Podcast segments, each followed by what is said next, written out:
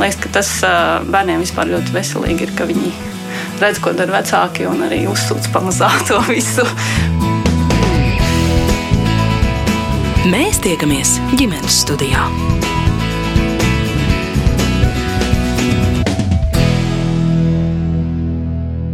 Labdien, un esiet sveicināti ģimenes studijā. Šodien, kā piekdienās ierasts, dosimies viesos, šoreiz uz Kuldīgu, lai iepazītos ar Ineses Astaševskas ģimeni. Tajā aug trīs bērni, māma ir pedagoģa kopš 2020. gada rudens kļuvusi par Viļa plūdoņa kuldīgas vidusskolas direktoru. Tad drīz devusies bērnu kopšanas atvaļinājumā un nu darbā atgriezusies.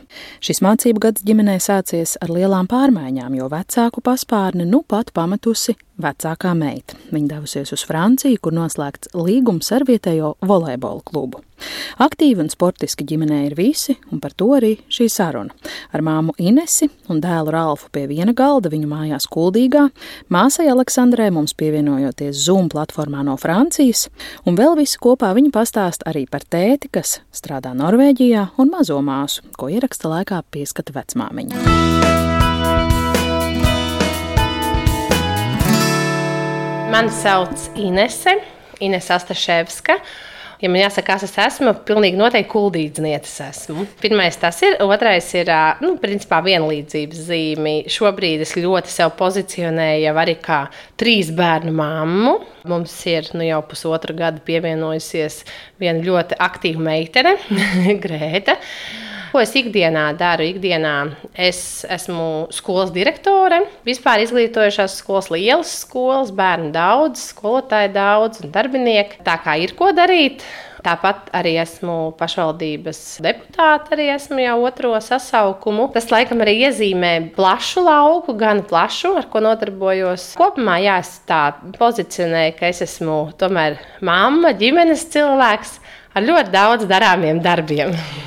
Vecākā māsa mums ir pievienojusies Zoomā. Tev jāstāsta tagad par sevi. Tātad man sauc Aleksandra, man ir 16 gadi. Es jau varu teikt, tagad jau profesionāli nodarbojos ar volejbolu. Volejbols man tagad, var teikt, dzīves ikdiena, treniņš, skola, treniņš. Tā pārsvarā arī pavadu savu dzīvi. Tā īsumā par mani. Aleksandra, saki, kāpēc ir tāda situācija, ka mēs ar tevi šobrīd saslēdzamies Zoomā? Ar tavējiem es sēžu pie viena galda, bet tu neesi Latvijā.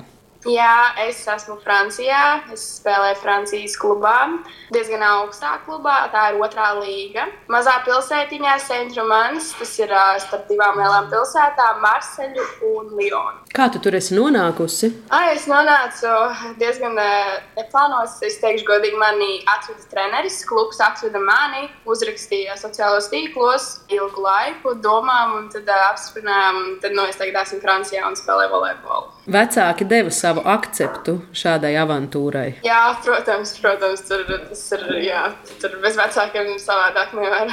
Vai arī tu nemaz nejūti, ka tā būtu avantūra? Kā tu vispār jūties pati par šo? Es joprojām nesaprotu, kas notiek. Man joprojām nav nejausmas, ka es dzīvoju bez vecākiem, jo man ir šāda man ir pirmā pieredze bez vecākiem, bez māmas. Nu, jau es lēnām sāku iedzīvoties, saprast, jo, protams, pašai jāgatavo ēst, jāmazgā drēbes, mājā jātiek. Tas ir viss tāds, ko parasti māma izdara, vai arī mēs kopā darām. Tagad es saprotu, kāda ir tā pieaugušo dzīve.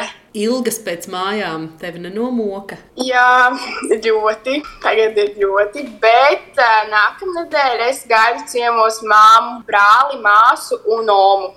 Tā kā jā, man būs tāda mājas sajūta Francijā no visās ģimenes. Kādi ir tie sadzīves apstākļi, kur tu esi apmetusies? Vai tās ir kādas kopmītnes, vai tu dzīvo kādā ģimenē?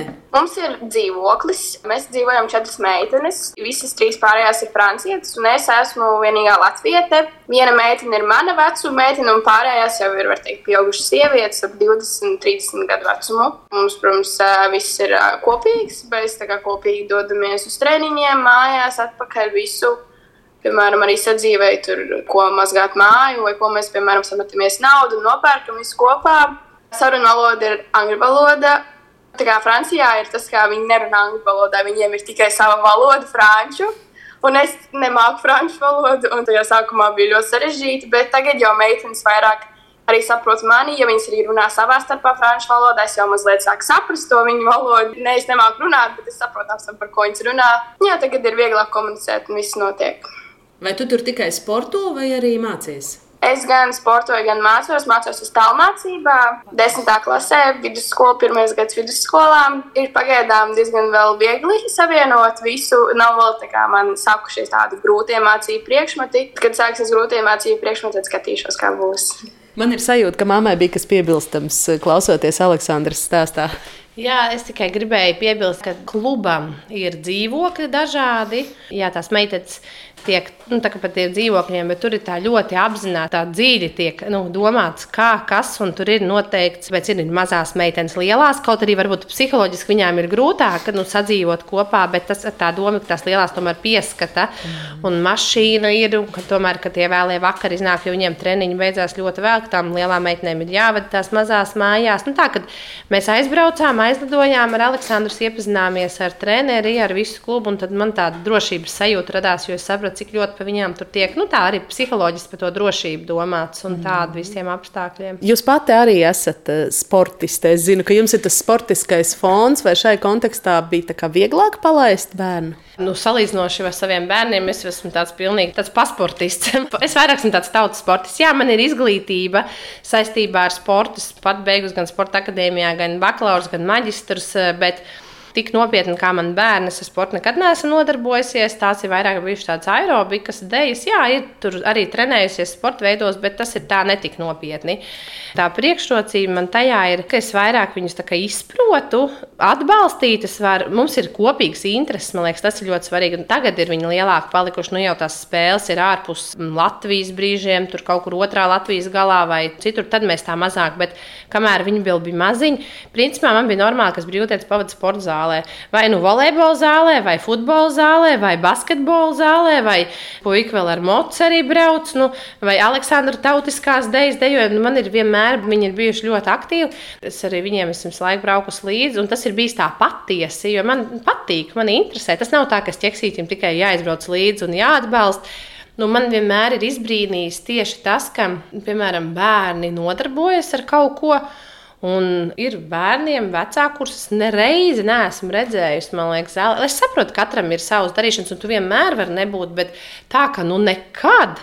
Man liekas, nu, nevajadzētu tā būt. Ir taču jāatbalsta. Mums ir tāds kopīgs intereses, un mēs varam forši arī pavadīt laiku ārpus jā, tāda ikdienas. Mm. Bet par tām emocijām Aleksandru pavadot tagad uz Franciju jau tādā patstāvīgā dzīvē. Nu, ir tā, ka Aleksandra jau pēdējos gadus jau ļoti daudz dažādās nometnēs piedalījās un tā tālāk viņa izlasēm spēlēja. Līdz ar to tā, ka uz kaut kādu nedēļu vai divām tas jau tā likās tā normāli. Tāpat kā es teicu, tās pašas brīvdienas, tur piekdienā aizbrauc un svētdienā apakaļ. Tā tāda ikdiena pat. Nu, protams, ka jo tuvāk nāca tas datums, ka mēs zinājām, ka viņi brauks, jo vairāk to aptvēra. Arī šobrīd, ik reizi ieejot tajā Aleksandras istabā, ka tur kaut ko vajag vai kas ir pilnīgi tā, tāds, oh, tā, tā, tu tā nostājies pie tā, tā, tāds skumjiņi ir. Bet es varu pateikt tā, ka šobrīd tās mūsdienu iespējas iespējas, kas ir kaut vai tās sarunas un visi šie video.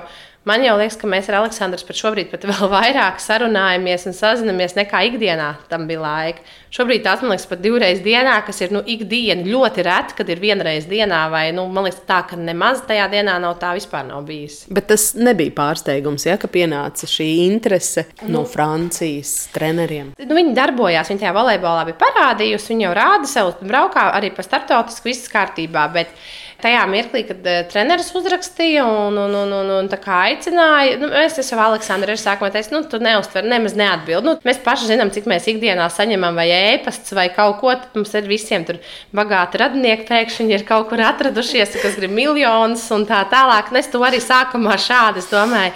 Nu, nu, ir tā, nu, viņai arī ir sekotāji daudz, kāds varbūt grib kaut ko, nu, man liekas, to nav ko iedziļināties. Bet tad pagāja kaut kāds laiks, vēlreiz viņš rakstīja, tas treneris.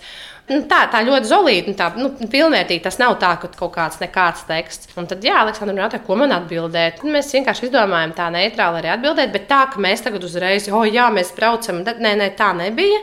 Mums bija diezgan ilgi, man liekas, kad mēnesis vispār tā saraksta notika, vispār kādas iespējas, kādi noteikumi, vispār kā tas notiksies un tā tālāk. Un tad pamazām, pamazām Aleksandra arī beidza šo devīto klasi, ka bija jāsaprot, kas notiksies. Arī sapratām, ka arī komanda, kurā viņi visu laiku šeit spēlē, ka tur arī mainīsies viss, jo ir meitenes, kas dodas arī prom no kuldīgas, kas ir tur, tā kā nezinājām, kā notiksies vēl tālāk, viss tā, nu, cik kādas tās iespējas būs. Un tad sapratām, ka, ja reizi jā, tad varbūt šis arī tas īstais laiks. Un tad mēs ar tēti tā teikt, tā kā viņai pat īstenībā klāt nesot, man liekas, tu biji sacensībās, man liekas, toreiz arī kur tu biji prom? Bija Horvātijā. Horvātijā. Mēs teicām, skatījāmies, viens spēles, esam visi. Lai brauc uz to Franciju. tad, tā arī bija. Un tad, tad jau tālāk viss nopirkām, aizbraucām, aizlidojām. Tur iepazināmies ar visu, visu, visu sapratām, ka bērns tiek nodots drošās rokās. Un, jā. jā, interesanti. Aizpļāpājāmies par eh, māsu. Jāpievēršas arī brālim, kas ir kopā ar mums šodien ģimenes studijā. Kā sauc tevi? Mani sauc Ralfs Timbers. Esmu ļoti sportisks cilvēks. Es spēlēju futbolu, dažreiz basketbolu un braukāju moci. Oho, kā tas ir braukā ar moci? Nu, kā gadu? 14 gadu. Es jau studēju klasē. Braukāju moci, tas ir vairāk hobijam. Man vairāk patīk futbols, uz tos vairāk eju. Es braukāju uz Liepāju, spēlēju futbolu, uz treniņiem. Cik bieži piedod? Trīs reizes nedēļā man treniņu Liepājā. Man vispār treniņu kopā ir sešas reizes nedēļā. Svētdienās tikai brīvs esmu. Trīs reizes nedēļā Liepājā un trīs reizes nedēļā Kuldīgā arī futbols. Jā, Aha, viss. Nu, viss sešas dienas futbols. jā. Kā tu pats par to jūties? Nu, pieredze esmu jau. Tā ir tava izvēle, jā? Jā. Kur tu mācies, saki? Kuldīgs humanitāro zinību vidusskolā. Tā nav tā skola, kur māma ir direktore. Nav tā skola. Kā tā? nu, es jau gāju no paša sākuma. Māma vēlāk bija direktore, un tad es negribu pārvākties uz citu skolu. Es nevienā mirklī neesmu uzskatījusi, ka mums Kuldīgā vispār būtu kāda slikta skola. Manuprāt, mums viss ir labas. Katrai, protams, ir kaut kādas niansītas, ar ko viņi varbūt vairāk tur eh, kaut kas labāk veicās, kādai varbūt kaut kas tur varbūt nu, netik labi veicās kaut kādā ziņā. Protams, es uzskatu, ka arī es vadu ļoti labu skolu, bet Man bērnam ja ir kolosāls klases kolektīvs. Arī Aleksandrai pagājušajā gadā viņa arī pabeidza to pašu skolu, ne to, kur es. Jo viņi tur mācījās, viņiem ir tiešām fantastiski. Viņiem tā savstarpējā visa saikne, viss. Tad es neredzu iemeslu, kāpēc raut ārā no klases tikai tāpēc, ka es esmu direktors tur. Nu, tā ir. Viņi, ja viņš būtu gribējis, tad, protams, to arī var darīt. Bet šobrīd, ja viss apmierina, nu, tas nav vajadzīgs vienkārši.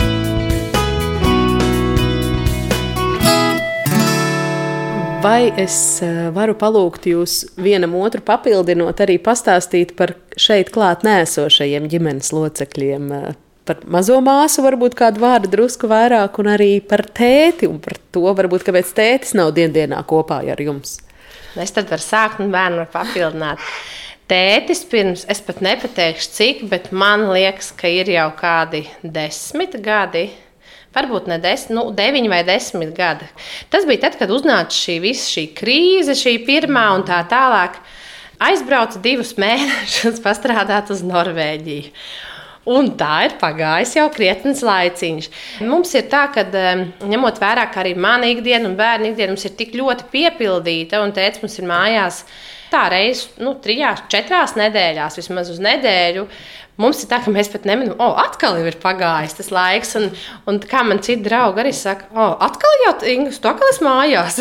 jā, Ralf, varbūt tur papildināt, piemēram, to pašu mocu. Jā, nu, kā jau teicu, Ralfa, mocs tas ir tāda hobijas lieta. Viņš pat tas braukā un viss. Es, piemēram, no tā neko nesaprotu. Un kā jūs teicat, kā jūs skrūvējat mocu, izstāstīt? Kā tu ar tēti sazinies? Ka viņš tev attālināti var palīdzēt izdarīt Jā, kaut es- kādas lietas? Ja man kaut kas sapīs, ja uzzvanīt FaceTime, tad viņš man rāda, mācās, un es to izdaru, un tad iemācos tā. Parasti viens pats pēc tam dara to. Tās mūsdienu tehnoloģijas palīdz mm. visā, ne tikai sazināties ar māsu Francijā, bet arī ar tēti Norvēģijā. Viņš var palīdzēt moci paskrūvēt no turienes. Viss arī sarāt, ja vajag. Vienīgais šeit ir tā iespēja, ja, ja tēvs pa daudz kaut ko māca, tad vienkārši var noslēgt sarkano pogu. Kaut gan, bet to man liekas, mēs esam iemācījušies, ka mēs tomēr tā parasti nerisinām. Un uh, par mazo māsu runājot, pirms mēs ieslēdzām mikrofonu, jūs Ines teicāt, mājā ir tāds klusums, tāds mums te nekad nav kā šobrīd. Tur varbūt Rāls arī izstāstīt, kāda ir māsa. Kā tu viņu raksturot? Ļoti traka. Nevar atstāt vienu brīvu uz kādu minūti, būs visu māju izvandīt. Tā vakar mēs nospriedām, jo vakar tā notika. Viņi dara, ko viņi grib. Ložnā pa visām lietām un tā. Kā jūs sadzīvojat? Tu viņu pieskat kādreiz? Jā, bieži, diezgan bieži. Pats no laba prāta vai mamma liek? Mamma liek. Tā nav, nav tik traki. Jo es esmu pat atgriezusies pāris mēnešus darbā, tad mums māsiņa ikdienā palīdz mums auklēt Oma, mana mamma. Vairāk tā piesaistīšana tāda, ka es pie mēslu uztaisu vai kas, un tā brālis ar viņu. Viņi ir mums, man liekas, visu abu divu bērnu un, un mūsu abu divu vecāku, man liekas, tāds, tas enerģija apvienojums. Nu, kaut kas ārprātīgi daudz tur ir viņā, tajā mazajā cilvēciņā. Bet tāds ļoti, ļoti tā ārkārtīgi, man liekas, arī pozitīvi. Kā tas ir, ka tev ir 16 gadi un uh, uzrādās māsa Aleksandra? Ai, nu tad, kad es uzzināju, ka man būs māsa, es apraudājos. Es, es ļoti apraudājos. Man, man, es esmu cilvēks, kam patīk mans bērns. Es varu auklēties, darboties, man ļoti patīk. O, es biju ļoti priecīga. Nu, es teikšu, tā Grēta ir man kā viņu māsa. Manuprāt, viņa būs tikpat uh, sportiska, cerams, ļoti cerams, sportiska, runātīga, aktīva. Nu, Nu, man ļoti patīk, nu, es esmu ļoti priecīga. Tikai tagad es arī tas ir tas, ir tas cilvēks, viņš, kas man visvairāk pietrūks no visas manas ģimenes, māsa, mazā māsa. Es zinu, kad viņa atbrauks, pirmais cilvēks, ko es samīļošu, būs māsa. Jā. Cik skaisti tas skan. Jā. Ar māsu arī zūmā var pakomunicēt, vai viņa bliež pa datoru. Viņa katru reizi, kad viņa man liekas, dzird man balsi, viņas reiz ir, oh! un tad tur nāk klāt, cenšas kaut ko runāt, tur sūta bučas māju un uh, visu, visu ļoti, jā. Ines, vai es varu pajautāt eh, drusku par jūsu dzīves gājumu? Kas ir tie svarīgākie pieturas punkti? Mēs sākām sarunu, un jūs teicāt, es esmu kuldīdzniece, tas ir numur viens, bet jūs tomēr esat apmetusi loku arī bišķiņu pirms atgriezties šeit, kuldīgā. Nu, jā, principā jau vairāk vai mazāk visu laiku jau es esmu bijusi šeit uz vietas. Interesanti ir tas, kā vispār esmu nonākusi līdz amatam, ko es šobrīd daru, līdz pienākumiem, par ko es atbildu. Viens ir skaidrs, ka nevienā mirklī es neesmu uz to vispār gājusi, pat kaut kad vienreiz arī attapos kā es vispār esmu šobrīd direktors, kā tas tā ir noticis skolā, kurā es pat mācījos, un pēc tam, kurā es pat vēl kā skolotājs esmu strādājis. Patiesībā jau, man liekas, 16 gadi bija, kad es jau sāku pati jau strādāju. Mums mamma ar tēti vienmēr atbalstīja un viss, viss, bet tā kā mēs bijām pieradušies kaut ko vairāk, gribu, man vienkārši pašai ir arī jādara tas vadīju nodarbības, tur palīdzēju. Tur mums arī gudrīgā deju skolotāja bija tāda Ilona. Viņa arī palīdzēja, tur iesildošās daļas tur pavadīt, jo es gāju pie viņas uz nodarbībām. Tā pamazām, pamazām. Nemaz nemanot, es sapratu, ka es jau pati vadu kaut kādas grupas un esmu sākus tur ar dejām darboties. Tas viss jau paralēli vidusskolai. Nu, es vienmēr esmu bijusi tāda aktīva. Arī. Tāpēc man liekas, normāli, ka bērni visu kaut ko izmēģina, lai tu beigās saprastu, kas tad ir tas, kas tev visvairāk arī saist. Es arī esmu savā laikā, es esmu gan dažādos sporta veidos trenējusies, arī mākslas skolas, pat esmu beigusi mākslas skolu. Es esmu visādos pulciņos, vispār tādus, ko es pat šobrīd neatceros īsti. Zinu, ka aušana, ādas apstrāde un kas tik vēl ne. Šobrīd jau tā varu panelizēt, ka, jā, ka man padodas tādas organizatoriskās lietas un tā tālāk. Un tad pienāca tā 12. klase un beidzās tā 12. klase. Vajadzēja saprast, ko tālāk darīt. Un sāku studēt sporta akadēmijā. Jo tas bija tas, ko es tajā mirklī sapratu. Man patīk, kas vadīja tur aerobikas, dēļas. Nu, tad to tā nopietnāk. Bet eh, jau, man liekas, pēc pirmā kursa man jau piedāvāja darbu šeit pat e, vienā pagastā, Kultūrā, bet tajā laikā pagastu skolās bija visās vairāk kā simts bērnu. Mums šobrīd tas liekas nereāli, bet tā tas bija. Arī otrais kurs, man liekas, bija, kad es sāku skolā jau strādāt, arī par skolotāju. Interesanti bija tas, ka tie bērni vecākie jau gan bija vienā vecumā ar mani.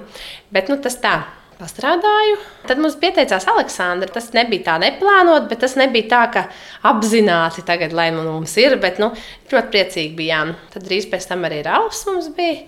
Arī divu gadu starpība abiem bērniem ir. Bet nu, es paralēli visu laiku vēl studēju, paralēli vadīju nodarbības un paralēli auklēju mazos. Tagad man liekas vienkārši kā. Šobrīd vienkārši redzot, cik tas viens arī paņem enerģiju no mums. Un, Nu, tā kā tāda vāva ritenī, bet tad nelikās tik traki. Šobrīd liekas, nu, tā, jā. Tad, kad um, pēc tam bija jāatgriežas darbā, man piedāvāja citā vietā strādāt. Kas ir interesanti, ka es nekad neesmu dzīvē, pat es neesmu īstenībā meklējis darbu. Kaut kā viņš ir uzrādījis pats no sevis. Jā, ir bijis, kur ir jāuzraksta. Es redzu, ka ir konkursi jāuzraksta, kur man arī aktuāls draugs, piemēram, Vīnes, tu tur taču rītīgi der, tev jāuzraksta, piemēram, pieteikums. Es pirmo reizi rakstīju pieteikumu, man liekas, uz bērnu jauniešu centra direktora amatu. Es nemācīju ne motivācijas vēstuli rakstīt, ne, jo es tā nebiju nekad rakstījusi. Man jau bija cik gadi jau. Tātad es pēc tam sāku strādāt skolā. Viņa plūdoņa gimnāzija tad bija. Arī par skolotāju, audzināmās klases man ir bijušas vairākas ļoti forši jaunieši. Tas man ļoti paticis vidusskolas. Tieši trīs audzināmās klases man ir bijušas trīs izlaidumiem. Paralēli nodarbības arī vad, man bija tā, tā ikdiena bija tāda, ka no rīta bērni piecēlās, aizved uz bendāžu, jo bija jāpaspēj viss. Jo tikko tu no rīta kaut ko jau 5 minūtes nokavēsi, tu zini, ka visa tā diena nojuks. Bērni bija bendārs, Aleksandrai jau bija skola. Tad bija skolā darbs līdz kaut kādiem trijiem, tad bija treniņi vienā vietā, tad vakarā treniņi citā vietā, un tad bija dienas, kad es braucu ārā uz pagastiem, arī vadīju nodarbības. Un tad tu ierodies tad uz deviņos mājās, tad tu padarbojies pišķiņa bērniem, bērns ieliec gulēt, tad tu pats atkal gatavojies nākamajai dienai. Un tādas tās ikdienas. Bet man patika tas, ko es darīju. Tas bija tas trakākais, jo es sapratu, ka kaut kas jāatsakās, bet es nevarēju saprast, ko es gribu ņemt nost, jo man, es nekad neesmu darījis to, kas man nepatiktu. Tad pienāca kaut kāds mirklis, kad gan es sapratu, ka ir kaut kā. Es ne, nedzīvoju dzīvi, tā teikt. Es tikai nu, tā skrienu, un, un, un, un kas tad man ir? Nekas jau man vairāk nav kā kādam, kurš varbūt tās atļaujas kaut ko vairāk pabaudīt. Un tad kā reizi mūsu līdzinējā bērnu jauniešu centra direktora devās pensijā un tika meklēta jauna direktora. Es sapratu, tas ir tas, varbūt, kur es varētu. Jo tādā vispār izglītojošā skolā es sev neredzēju, jo man tas likās pārāk tāds kantains un pareizs. Nu, jā, tad es tur iestartēju, tiku. Manuprāt, ļoti veiksmīgi. Tā bija tā vieta, kur es arī pilnīgi ieguvu tādu citu elpu, jo tā sfēra, tā joma, kurā darbojas mums kuldīgā, nav tā, ka tas ir tikai interešu izglītības pulciņi. Tas ir viss jaunatnes darbs, tur ir klāta audzināšanas, karjeras, visu koordinēšana. Un, Manuprāt, tas arī gan veiksmīgi mums izdevās visu to struktūru pārstruktūrēt, izveidot pa jaunam. Galu galā mums jau arī bija tā, ka valsts mērogā mēs tā ļoti labi strādājām. Ļoti daudz braucu pie mums arī pieredzes apmaiņā. Tad novadā mainījās situācija. Arī e, direktore devās e, uz citu novadu strādāt līdz šinējā skolā, kuras tagad esmu. Un tad, jā, tad es sapratu, varbūt ir kaut kas jāmaina. Jo bija atkal septiņi gadi pagājuši eh, iepriekšējā darba vietā. Tas laikam ir tas posms, tie septiņi gadi. Kaut kā es savā dzīvē viņas esmu tā, kaut kā diezgan tā iezīmējis, ka pārmaiņas lielākas notiek. Jā, un tā es sāku strādāt tagad tajā kantainajā iestādē, kas man pirms desmit gadiem likās nekad mūžā. Bet šobrīd es saprotu, ka nemaz tā kantainā iestāde ar tik kantaina nav, ka mums pašiem ir jāiemācās. Ir, protams, ir eh, šobrīd tur ir MK noteikums katrā tavā kustībā ir. Ja? Bet, ja tu iemācies, ja tu viņus sāc pārzināt un saproti, kur un ko, tu arī tiem bērniem var padarīt to ikdienu tiešām tādu ļoti foršu. Un tas man ir tas primārais, ka es, es gribu, lai bērnu skola nāk priek, lai viņi, protams, iegūst zināšanas, lai kolēģi labi jūtās un kolektīvs, lai tiešām tā apziņa, ka nevis es to daru tāpēc, ka man liek, bet mēs kopīgi strādājam un ejam uz kaut kādu ceļu. Kopīgi bērni, vecāki, skolotāji. Man liekas, ka Es esmu divus gadus šajā vietā, un no tā vēl pusotru gadu esmu mājās ar mazuli bijusi, bet es esmu visu laiku tāpatās bijusi klātesoša. Un tas, varbūt, ko es vēl gribu piebilst, ņemot vērā to savu pieredzi, to aktīvo visu, ka es šobrīd esmu spējusi saprast, kas ir tas, kas man interesē un patīk. Es arī tos savus bērnus esmu virzījusi, mēģināt. Es atceros, ka Aleksandrai viens posms bija tāds, ka viņa apmeklēja nedēļā astoņu veidu pulciņus. Nu, tad, tad vēl varēja tā, jo tur bija stundiņa, tur bija ģitāra, bija arī mākslas skola, bija treniņi, tautiskās dēļas un tā tālāk. Un tad pamazām tev izkristalizējās, kas ir tas. Un Ralfam jau arī bija viena mirkli, es atceros, gan futbols, gan basketbols, gan tautiskās dēļas. Jo mums arī kuldīgā, kur bērni dejoja tie kolektīvā, tas arī tāds ļoti augsta līmeņa. Es atceros, Ralfam vienreiz bija no rīta eh, futbola sacensības hallē, un ir jau sarunāts, ja viss būs kārtībā uz laukuma, tad pēdējās piecas minūtes viņi ņem nost, jo ārā gaida autobuss, jo jābrauc uz basketbola sacensībām, ir treneris jau gaida, viss tur viss ir saskaņots. Un tad, kad brauc atpakaļ, līdz tikiem, tikiem jābūt atpakaļ, jo kultūras centrā karājās tautas darbs, jo ir skati, piemēram, vakarā. Nu, nebija bieži tāda sastrēguma, bet tāda bija. Un galvenais jau atbalstīt. Un tad arī pamazām jau patiesībā mūsu jauniešiem, man liekas, tas Covid ievies tādu ļoti lielu tādas eh, pārdomas un saprast, kas ir tas, pie kā tu gribi turēties, ko negribi. Mēs tiekamies ģimenes studijā. Šodien ģimenes studijā tiekamies ar trīs bērnu mammas, Viļa Plūdoņa Kuldīgas vidusskolas direktoras Ineses Astaševskas ģimeni. Sarunā piedalās Inese un arī abi viņas vecākie bērni, dēls Ralfs un meita Aleksandra, kas ierakstam pievienojas ar Zoom platformas starpniecību, jo šobrīd spēlē volejbolu profesionālā klubā Francijā. Viņu pašu izvēlētai mūzikai izskanot, mēs atsākam sarunu par to, kā bijis uzaugt blakus ļoti aktīvai un darbīgai mammai. Tad jāiesaist atkal bērni ir sarunā. Kā jūs no savas puses esat redzējuši un izjutuši to, ka tā māma, nu kā viņa atzīst, pati dikta aktīva, un arī jūs ir visur aktīvi virzījusi un mudinājusi darboties visur pa kārtai? Māma, nu māma, es bez māmas, liekas, nevarētu neko. Māma man ir palīdzējusi gan skolā, gan treniņos, visur. Ja es esmu kādreiz tikusi savu galā, tad bija māma, kas man nomierināja, paskaidroja visu. Un, uh, ar māmas palīdzību es varu teikt, arī tagad esmu, kur esmu. Jo, ja nebūtu māmas, es šaubos, vai es atrastos te Francijā tagad. Jā, mammai patīk daudz runāt. Tāda mums ir māma. Māma ir publisks cilvēks. Manuprāt, vienmēr ir zinājis katrā brīdī, ko pateikt. Mīļos, mīļos māmas un māmas tagad tiešām vairāk sarunājos un biežāk zvanu nekā tad, kad es biju Latvijā. Jo nu, tad citreiz pa dienām, kā jau māmiņa minēja, man arī bija daudz treniņu, skola, māmai arī daudz darbs, tur grēti mūsu mazā māsā. Nu, es esmu ļoti priecīga, kāda ir mana māma. Un, jā, Kā tas atbalsts ir izpaudies? Nu, labi, tu pieminēji vienu lietu, aprunāšanās, varbūt eh, ir vēl kaut kas, kā tu to vari raksturot. Māma vienmēr zina, ko kurā mirklī ko pateikt. Vai, nu, piemēram, būt stingrākai tajā mirklī, vai būt mīļākai, piemēram, tajā mirklī. Diezgan bieži gadās tā, ka, piemēram, pusauģiem pienāk eh, šis vecums, un tad viņiem gribās eh, mainīt visu kaut ko savā dzīvē. Jā. Svarīgi ir draugi, negribās vairs tur to regularitāti vai disciplīnu, ko, piemēram, pieprasa nopietni sporta treniņi. Kāds ir tavā gadījumā?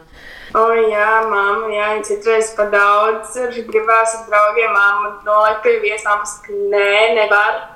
Tad ir tā, tad, tad, tad es dusmīgi uz māmu, tad es saprotu, ka tomēr nevaru dusmoties uz māmu, jo mamma ir taisnība.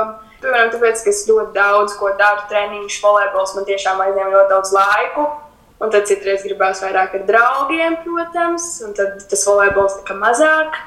Bet tad atkal ir nopietnākas sacensības, un tad vairāk ar volejbolu. Un tā, un mamma vienmēr viņa ir stingra, bet nav ļoti stingra. Man tas patīk, ka pirmie tiešām aiziet pat daudz, mammai būs tāds stop, apstājies. Es citreiz ja es tādu esmu noskūmusi, mamma arī zinās, ko tagad pajautāt. Viņa, nu, es nezinu, mamma vienkārši baigs priekā, man patīk mana mamma, ļoti patīk mana mamma. Man nav nekāds, neko no ļoti paši. Tas vēl laikam galvenais, ka nav kauts. Nē, nu mums ir arī tā vēl, varbūt Aleksandra pat var pastāstīt. Mums ir ar Aleksandras laikam ļoti līdzīgi raksturi. Tāpēc varbūt arī mēs vienu otru saprotam. Bet reizēm arī, ja nesaskan kaut kā tas viedoklis, mums arī ir diezgan grūti. Tad nāk palīdzīgā tētis, jo man liekas, ka tētim Tētim ar Aleksandrs ir ļoti labi arī tas tā, nu, komunikācija. Un man atkal ir otrādi, man liekas, man ir ar, ar Alfu ir tā, ka tajā mirklī, ja ir kaut kāds galīgi tāds, nu, pa daudz kaut kas, tad es māku ar Alfu pat labāk, un ar Alfu man tēti iet grūtāk. Jā, jā, tā ir. Tagad kā māma brāli ir mājās, un es vien pati esmu savā komandā, jo tēti ir Norvēģijā. Ja tur kaut kādas diskusijas, vai ko, tad esmu viena pati, un tā kā divi pret viens. Un, uh, tad, kad atbrauc tēvs, tad pārsvarā, nu, kā mēs ar tēti, tieši tā kā māma minēja, jā, un citreiz ir grūtāk ar māmu tikai tāpēc, ka mums ir vienādi raksturi. Tad jā, tēvs parasti vienmēr. Iejaucās pa vidu, un uh, tad tas viss kārtībā. Ralf, kā tu atceries to brīdi, kad tev tur bija no rīta jāuzspēlē futbols, tad jāizskrien uz basketbola sacensībām, un tad vēl tautas dejas skati jānodejo? Es atceros, ka mamma visu saragoja, kāds jādara, sarunāja visiem. Jo es biju pārāk mazīšs, tad es nesapratu, kā visur sarunāt. Un jā, un tā mamma man tur vadīja, tur sarunāja treneriem. Tā es izdzīvoju to dienu. Tas bija izdzīvošanas režīms. Nu, bija noguris, ļoti, bija ļoti noguris. Bet nebija jau tā, ka tev nepatīk, vai ne? Dēļas nepatīk. Bet dēļas es izstāstīšu stāstu, kā bija. Rauls bija tajā kolektīvā, tajā vecumā, kad bija šie simtgadus dziesmu svētki, bija šie bērnu, kol bērnu kolektīvi dejoja. Un arī Rauls bija tieši tajā vecumā viens no tiem kolektīviem. Viņam ļoti patīk tās, bija tās, tās dēļas, kas ir tieši arī Daļļevičs, kas bija tas cirulīts mazputiņš, tur ar tiem kokiem. Tāds, nu, tāds, mm. tādi ļoti interesanti, jā, mūsdienīgi. Un toreiz es aizgāju māsai uz koncertu, jo māsa jau dejoja ventā, aizgāju līdzi šeit tā, ja šī tāds dēļas jādara, es arī varētu iet, un es tik priecīgi. Un tad viņš sāka dejot. Tika uz tiem dziesmu svēkiem, bet tur bija tā, tas beigu tas posms jau ļoti nogurdinošs. Visi tie ārkārtīgi daudzie mēģinājumi, visu, un viņš arī pateica, viss vairāk ne. Tad mums bija tāda arī vienošanās, labi, jo es tos gan bērniem esmu iemācījusi, ka Tu nevari tādā pusratā atstāt. Tas ir tas, ko mēs abi ar vīru arī pie tā pieturamies. Ka, ja tu dari, tad ir jāizdara līdz galam. Jā, tu vari nu, nākošais gads vairs nedarīt to, vai, nu, piemēram, pusgadā, bet ir kaut kā, nu, nevar pie pirmām grūtībām. Tagad man šodien nepatīk, un visas rīt ieša kaut citu kaut ko. Nu, tā nenotiek. Un tāpat šeit mēs bijām vienojušies, ir dziesmu sēkla, beigsies, viss varam beigt. Es aizbraucu naktī pēc tā pēdējā koncerta, jo viņiem bija tie naktas koncerti, toreiz pakaļ, iekāpa mašīnā, mēs braucām, man brālis vienkārši Rīgā dzīvo, mēs tur dzīvojām, mēs braucam mājās, un viņš sēž mašīnā, viņš saka, kas ir mamma. Es laikam pārdomāju, es mums ko. Es laikam vēl gribu iet tajās dejās. Laikam tās emocijas, tas dziesmu sēklis, tas viss pat tādam mazam bērnam bija tik, tik ļoti nu, bagātināja, ka viņš piekrita. Un tad nākošajā gadā sākām atkal, turpinājām iet. Un viņš visu to laiku pēc tam, nu, kas tas man bija par vājumu, bet iet uz tām dejām. Un to jau es arī redzu. Nav jau tā, ka nu, ar vāru es jau redzu, ka, labi, protams, tajā mirklī, kad ja tev jāizvēlās vai iet futbolu spēlēt vai dejas, viņš labāk iet futbolu. Es jau redzu, ka tas jau nav caur tādu nepatiku, vai kā aiziet, un tur ir draugi, un tāpat brauc uz Bulgāriju, taču uzstāties uz koncertiem, visu un ļoti apmierināts un patika un padevās. Tā, kā, tā mums ir gājis ar dziesmu svēkiem. Mm -hmm. Taisnība, mamma stāsta. Jā, viņa saka taisnību.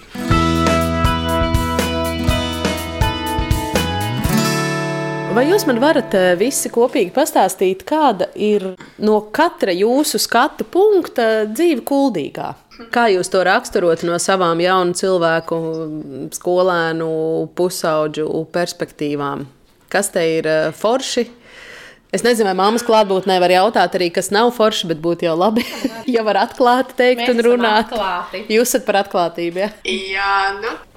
Nu, tagad jau es pēdējos gadus jau sāku novērtēt savu pilsētu ļoti piemēram, nu, ir tas vecais tilts, mēs dzīvojam vienā pusē, un, eh, ja gribam uz pilsētu, jābrauc pāri. Tagad jau es skatos, ka tie turisti tur apkārt vienmēr fotografē to vējas rumu, un es kādreiz domāju, nu, kas, nu, kas tur īpašs. Bet tad es sāku saprast, tas taču ir valsts, tas ir mūsu unikāls, tas taču ir mūsu kultūra. Tā visi pasaulē zina, kas ir mūsu kultūra. Jā, nu, pārsvarā, nu, kā es kā jaunietis jau esmu izstaigājis, manuprāt, visas takas, visas ielas, visu, visu esmu izstaigājusi ar draugiem, visu, visu. Nu, Kuldīgi mums ir tāda ļoti baudāma skatām, ļoti veca, veca pilsēta, bet moderna, stilīga. Tās varētu raksturot mūsu pilsētu, viņi izskatās ļoti labi. Man kā jaunietim, es teiktu, ir ļoti maz iespējas, ko apmeklēt, piemēram, vakaros, kā piemēram kino. Mums nav tik, viņš ir, bet kā, nav tik ļoti populārs, jo sakarā ar covid, viss ir samazinājies, viss, viss. Jā, nu, man prasītos vairāk kaut kas ko jauniešiem, vairāk tāds vakaros, es nezinu, tur man ļoti patīk liels pilsētas un liela pilsētas cienītājs, man patīk shoppings, viss. Es labāk braucu uz Rīgu, es, es labprāt dzīvotu Rīgā nekā Kuldīgā, jo tur uzreiz ir visi lielveikali, viss, viss patīk lielā satiksme, man, ir, man patīk dzīvot lielās pilsētās ar lielu satiksmi, visiem viss, viss tāds. Tad tagad tu padzīvo Rīgā, pirms atbrauc ciemos vai ko. Tad atbrauc mājās, tā kā var teikt, mierā, vecajā savā labajā kuldīgā. Starp citu, ja tu salīdzini ar to pilsētu, kurā tu tagad dzīvo, vai tā arī ir e, mazpilsēta, skaista, kā tur ir? Kā varētu izskaidrot tā? Nu, viņa ir maza, viņa nav ļoti liela. Viņa ir aptuveni tādā pati lielumā kā Vēnspils mums Latvijā. Nav tāda turistiskākā, var teikt, tāda viņa ir diezgan tāda nē. Bet mums arī ir tas, ka mums ir pilsētas nosaukums ir Romans Izsūre. Un tā izsūra ir tas uh, nosaukums upei, kas ir upe. Mums arī ir upe, tas, kas uh, kuldīgāk ir vēnta, un tam mums arī ir upe. Un jā, tas man arī ir. Tas nu, nu, ir ļoti skaisti pilsētiņa. Protams, man nav īsti sanācis ļoti daudz izstaigāt, jo ar laiku ir kā ir. Bet jā, man ļoti patīk pilsētiņa tāda nu, forša. Jā, skatām, baudām. Šopings sanāk? Jā, protams, mums ir outlets. Un, jā, protams, māmiņa jau zina, es, es tur ļoti bieži iegriežos. Tā netīšām diezgan nav viņš ļoti mums tuvu, bet. Kad ir tas brīvais laiks, un tev tieši ir veikals, un starp veikalu ir tas outlets, un vienmēr ir jāuzlūtā iekšā uz veikalu shoppingā. Tikai paskatīties un iznāk ar pāris maisiem ārā. Ko tur Alfa saka par dzīvi kuldīgā? Mm, kuldīgi, kā kuldīgi, forša. Man ir daudz ko darīt. Es nezinu, kas Aleksai, kāpēc nav. Var daudz ko izdarīt, kolīgā. Blēņas izdarīt. Kāds blēņas tev vislabāk darās? À, nu mēs tur pie Vēntas bunkurus taisījām, kokus cirtām nost. Tā mēs tur spridzinām spridzekuši. Interesanti, kolīgā ar draugiem. Bet draugs vajag, ja nav draugi, tad nebūs interesanti. Nu, protams. Jā. 14. Man liekas, ka Ralfam vairāk tas mežs patīk. Es, es tur mežā tik daudz neie, neiegriežos, es vairāk pilsētā. Jā, bet 14 gadu vecumā droši vien visur ir labi, kur ir draugi, vai ne? Jā, visur labi. Liepājā arī labi ir. Mums tur tā komanda, kuras spēlē, mēs arī ejam ar viņiem vairāk, esmu Liepājā. Jā, viņi tur parāda, ko interesanti darīt Liepājā. Liepājā var darīt blēņas. Nu, var darīt, bet nu, Mēs vēl nedarām blēņas, bet droši vien darīsim. Liepājā varētu būt izdevīgāk darīt blēņas tādā ziņā, ka tur tā māma nestrādā par uh, domas deputātu. Jā, tur neviens nepazīst mani īsti, tāpēc tur var, man liekas, labāk taisīt blēņas. Šeit tas ir tāds bišķiņš, ja tāds jā. zīmogs pierējā, ja, ka jābūt ieturētam. Te daudz pazīst man, un jā. Man daudz pazīst no māsas, jo māsa baigta populārā. Ah, jā? Ar ko tu esi tik populāra? Ak, Dievs, Ralf, kāpēc? Nu, nē, es tagad man daudz zināju volejbolu. Es teikšu, tā esmu ļoti komunikabls cilvēks. Man patīk uh, publicēt uh, internetā visu ko. Man patīk Instagramā bildes, stāstus. Un, protams, TikTokā, kas mums ir ļoti slavens, tagad ir daudz publicējumu, man ļoti daudz, ik pa laikam sekotāji. Cik tev ir sekotāji tajos sociālos tīklos pieminētajos? Nu, visur ir pāri tūkstotim. Instagramā ir jātur jau, man liekas, es ļoti ceru, ka drīz jau būs 2000, un uh, TikTokā man jau ir 2500. Un tas pats arī tagad, kad atbraucu uz Franciju. Es esmu savam klubam tā, tā zvaigzne, var teikt tā, jo tad, kad manī publicēju Facebook. Man uh, bilde bija visvairāk nošērota, nolaikota, un tagad esmu teikt, kluba zvaigznes. Tā aptuveni. nu, viss kā vajag, vai ne, mamma? mm -hmm. Bet, ja mēs par tiem nedarbiem runājam, piemēram, Ralfam vienkārši ir tendence iekulties kaut kādos, bet viņam nav tā ļauni, bet viņam vienmēr ir tā sanācis. Un es, piemēram, vēl tagad atceros pirmā piezīme, pirmajā klasē. Atnāk mājās, ir, un ieraksts ir apēda adventas vainagu. Kā, viņam audzinātāja bija tāpat, kas man audzinātāja bija sākuma skolā. Es līdz ar to es viņus ļoti mīlu un forši skolotājs viņus pazīstu. Un es zvanu, viņa smējās. Viņa teica, Inesīt, viņa teica, nu, es taču nevarēju noturēties. Man tā jāsmējās. Viņa teica, bet nu, kā es tagad, mums pirmā klase, viņa teica, es atnākšu, es ah, vainags. Es Ralfiņam saku, bet Ralfiņš saka, bet man tā gribējās ēst. Un tur bija piparkūks un viss. Un tās kotājās saka, teica, nu jā, es jau pat laikam biju vainīgs, nevajadzēja piparkūkam taisīt. Tie nedarbi nav tādi, nu, tādi ļauni, tādi slikti, tādi, nu, tā kā tādi riebīgi, bet nu, vienkārši viņi iekuļās visur. Tādi piedzīvojumi meklētāji. Bet tas arī arī patīk, jo, protams, arī manējiem ir uh, telefoni, kompjuteri, tur Playstation, viss.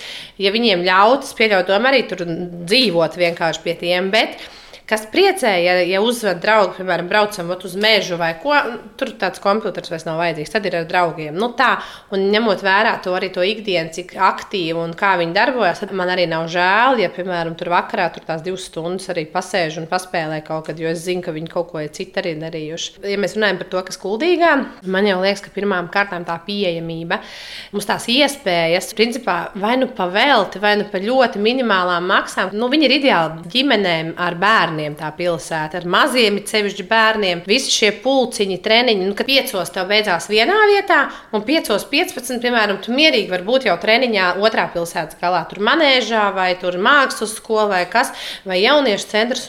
Tas ir, man liekas, tā mm, ārkārtīgi vērtīgi veikala darbs. Piemēram, man piecos beidzās, un ja es neju uz veikalu vai ko, es principā desmit pār pieciem jau mājas durvis var slēgt vaļā. Rīgā nekad neko tam līdzīgas. Pats man ir bijusi iespēja, protams, gan padzīvoties par Rīgu. Un kas man ir žēl, man tur nenormāli žēl tas laiks, ko es patērēju pārvietojoties principā, no vienas vietas uz otru. Tu piebrauc pie mājas, un tev jau haidī nav kur mašīnu likt. Un tu riņķo un domā, kur tu noliec. Beigās tu noliec, tur ir zīmīta, ka no rīta deviņos, ja vēl mašīna būs, tad būs evakuators, jo tur ir kaut kāds servis. Tas nozīmē, ka tu no rīta sestdienā mosties ātrāk, lai pārbrauktu, jo lai tevējo nesavākt, bet tev citur nav kur. Mums tādas lietas nav. Nu, ta, tas ir liekas, tāds, ko tu novērtē. Protams, es piekrītu, ko Aleksandrs saka ar jauniešiem. Pat atceros savu jauniešu laiku. Mums bija vairāk iespējas tieši tādiem tusiņiem, ballītēm. Mums bija tās vietas, kur mēs varējām iet, ballēties. Visu. Tas šobrīd tādi klubiņi un tādi principā mums nav. Tie ir atsevišķi pasākumi, kas tiek organizēti, bet tas nav tās ballītes. Viņi ir šobrīd ir spiesti organizēt paši kaut kur dzīvokļos, tur garažās, pagrabos viens pie otra, kad nu, vecāki ļauj. Mēs arī citreiz mums ir bijis ka mēs arī vīri aizbraucam prom. Mēs zinām, ka māja paliek bērniem. Mēs esam lietas kursā, ka te notiks tur kaut kāds pasākums un tā tālāk. Un tā šobrīd viņi vairāk to arī izcina. Man kā pieaugušajam kādreiz man likās, vai tur teātris trūkst, bet tad es reiz arī padomāju, ka, piemēram, Rīgā, ja es dzīvoju, piemēram, Juglā, cik man laiku paņem, lai es aizbrauktu, piemēram, līdz nu, Nacionālajiem teātrim vai līdz Dēls teātrim vienalga. Es neticu, ka tas ir mazāk kā man šobrīd, piemēram, no Kuldīgas līdz Rīgai aizbraukt, vai no Kuldīgas līdz Liepājai aizbraukt, kur ir ļoti kvalitīvs teātris. Tā kā es domāju, ka tas vairs nav tas, jo šobrīd mums ir viss tik pieejams. Mēs pašus piemēram ļoti bieži uz to pašu liepājas teātri braucam. Pie mums brauc arī dažādas viesizrādes, jau arī ir šie festivāli, kas mums ir. Tās iespējas jau ir ļoti daudz. Vienkārši pašiem jautājums. Ļoti bieži jau tie, kas saka, nekas nenotiek, tad, ja paprasti, ko tu gribi, viņš jau pat nevar īsti nesaprot, ko viņš grib. Jo man jau liekas, ka iespējas ir. Tu vari izglītoties, ir tādas pieaugušo apmācības, mācības, kursi, semināri.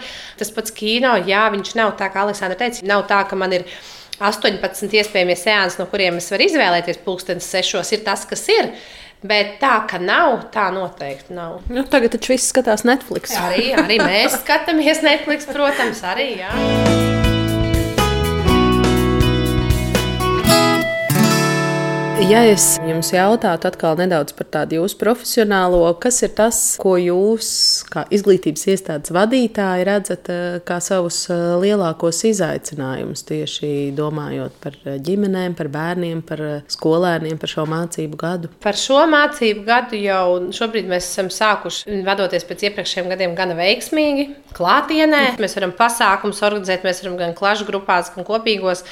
Vairāk kā vēl nekad mēs to novērtējam. Bet izaicinājumi, man liekas, šobrīd izaicinājumi ir ārkārtīgi daudz 12. klasē, jo 12. šogad pirmo gadu saskarās tieši ar šiem padziļinātajiem mācību kursiem ar eksāmeniem, pirmajiem, kas būs padziļinātajos, un neviens nezina, kāda būs.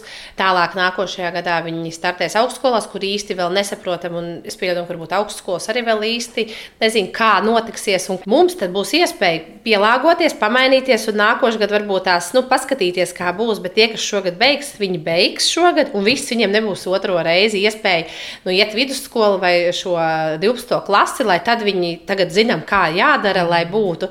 Viņiem ir viena iespēja iespēja, un mums šobrīd viņi maksimāli jādara tas, lai būtu viss kārtībā ar viņiem, lai viņiem pēc tam tās iespējas būtu.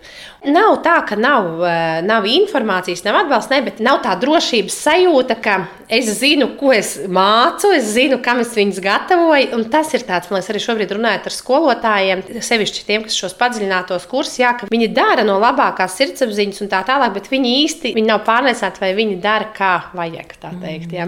Es domāju, ka vismaz mūsu skolā eh, visi izprot to situāciju, izprot, ka tur nav pie kaut kā vainīgs skolotājs vai pie kaut kā skolēns vai vecāks, ka vienkārši mēs mēģinām darīt labāko visu, lai tas rezultāts arī būtu labākais, ko varam. Mm. Bet kopumā tas, kas ir šobrīd, ir tās bažas par to mūsu sabiedrību, cik ļoti gribās, lai viņa ir izglītota, spriest spēja, kritiski domājoša. Jo tas, kas pēdējos gados, ar ko mēs saskaramies, ka mums ļoti daudz tomēr ir jāstrādā pie tā, lai mēs spētu uh, uzskatīt, ka nevienmēr, ja kāds domā citādāk nekā es, ka viņš domā nepareizi, ka arī viņam var būt pareizi. Vienkārši mums atšķirās varbūt viedokļi, un ka tajā mirklī nav jātaisa brēka vai kas. Tas man liekas, ir tas šobrīd tas grūtākais, izaicinošs. Iemācīties, vienkārši cienīt vienam otru, jo mums kaut kā tas kaut kur ir pazudis, man liekas, pēdējos gados. Ja es jautātu sarunas noslēgumā jums par tādiem lielākajiem šī gada jūsu personīgajiem izaicinājumiem? Ko jūs teiktu, Aleksandra? Nu, man jau noteikti ir tā Francija. Tagad izaicinājums mums ir vispār divas komandas. Ir rezerves komanda un lielā komanda. Man ir ļoti gribas spēks tikt lielajā komandā, pamatsastāvā, kur spēlē profesionāls meitenes no malu malām. Man ļoti gribētos tajā komandā tikt kā pamatspēlētājs. Tas man tādu motivāciju dod, un tur ir ļoti liels darbs jāiegulda. Tas, ka man ir tikai 16 gadi, esmu ļoti jauna, un pārējās meitenes ir virs 25. Viņas ir profesionāls, viņas vairāk ir nodarbojušās, lielāka pieredze, un es kā jauns Kas tā kā zaļš gurķis atbrauc no Latvijas, viss man ir jauns, bet man patīk izaicinājumi, man patīk riskēt. Jā, tas ir man tāds tas mērķis, kurus ļoti vēlētos nokļūt. Nu, lai tev veicas, kā ar tevi, Ralf? Nu, es gribētu spēlēt Lietpājā, sākuma sastāvā. Tur arī tur ir ļoti labi spēlētāji, tur būs grūti tikt, bet nu, man mērķis ir tur tikt un tad tālāk kaut kur ar futbolu tikt. Jācenšas. Izklausās, ka jūs abi sevi redzat kā tādus profesionālus sportistus. Mm, jā, Man es arī gribētu mods būt profesionāls, bet laikam nebūs jau. Tēvs tam mājās daudz sacensībos nevar piedalīties. Un es padomāju, ja mods viegli var satraumēties, tad nevar vispār neko darīt tālāk. Tā. Ko par to sportu mamma saka? Nu, saistībā ar sportu tā, ka es vienmēr esmu atbalstījusi, un man liekas, ka tas ir ļoti, ļoti labi. Man patīk, bet es jau klausījos Aleksandru un gaidīju, kurā mirklī viņa piesauks, ka arī tā skola ir tā desmitā klase vēl tā veiksmīga aizmirsa, ka viņa ir atkaņa aizmirs. Jo tas arī ir tāds mūsu, tomēr tāds ģimenes tāds noteikums, ko mēs ar tēti ļoti strikti esam noteikuši, kā um, jāmācās arī ir. Un, un, un tajā mirklī tas tomēr ir primāri. Un tajā mirklī, ja mēs sapratīsim, ka kaut kas neiet, arī Aleksandra ļoti labi zina, ja viņai nebūs stabili, nebūs. Mums nevajag, lai viņi ir izcilnieki, desmitnieki un deviņnieki. Nē, bet normāli vidusmērā, lai ir tomēr cilvēki gudri, jo tas sports jau ir tik traumatisks, ka tu vienā mirklī tur būt augšā, un tev ir vienkārši pēkšņi kaut kas, un viss ar to arī viss beidzās. Un ko tad tālāk mēs darīsim? Tā kā bišķiņi jau vajag, lai tajā galviņā arī ir kaut kas, nevis tikai tās kājas ir ātras un tās rokas, bet arī tā galviņa, lai strādā. Tad arī sportā labāk padosies. Jā, protams, jā, es par skolu galīgi aizmirsu. Tiešām, jā, to es gribēju piebilst, ka man ir izaicinājums, jauns gads. Es pirmo gadu mācos tālmācībā, un vēl vidusskola. Man ir visas jaunās kompetences. Viss ir tiešām tāds liels izaicinājums, bet es tiešām centīšos, jo vidusskola, vidusskola tad ir pašam daudz jāmācās, un vēl tu mājās mācies, un tev nav skolotājs, kas tev iekaļ galvā, bet tu pati lasi visu apgūst.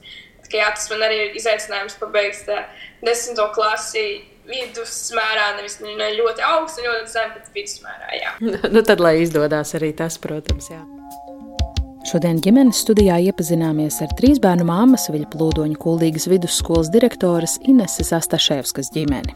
Sarunā piedalījās Inese un abi viņas vecākie bērni, dēls Ralfs un meita Aleksandra. Paldies, ja klausījāties, jums saka Agnese Linka, Ilza Zvaigzne un Nora Mitspapa, kas arī dzen palīdzēja tapt šim raidījumam.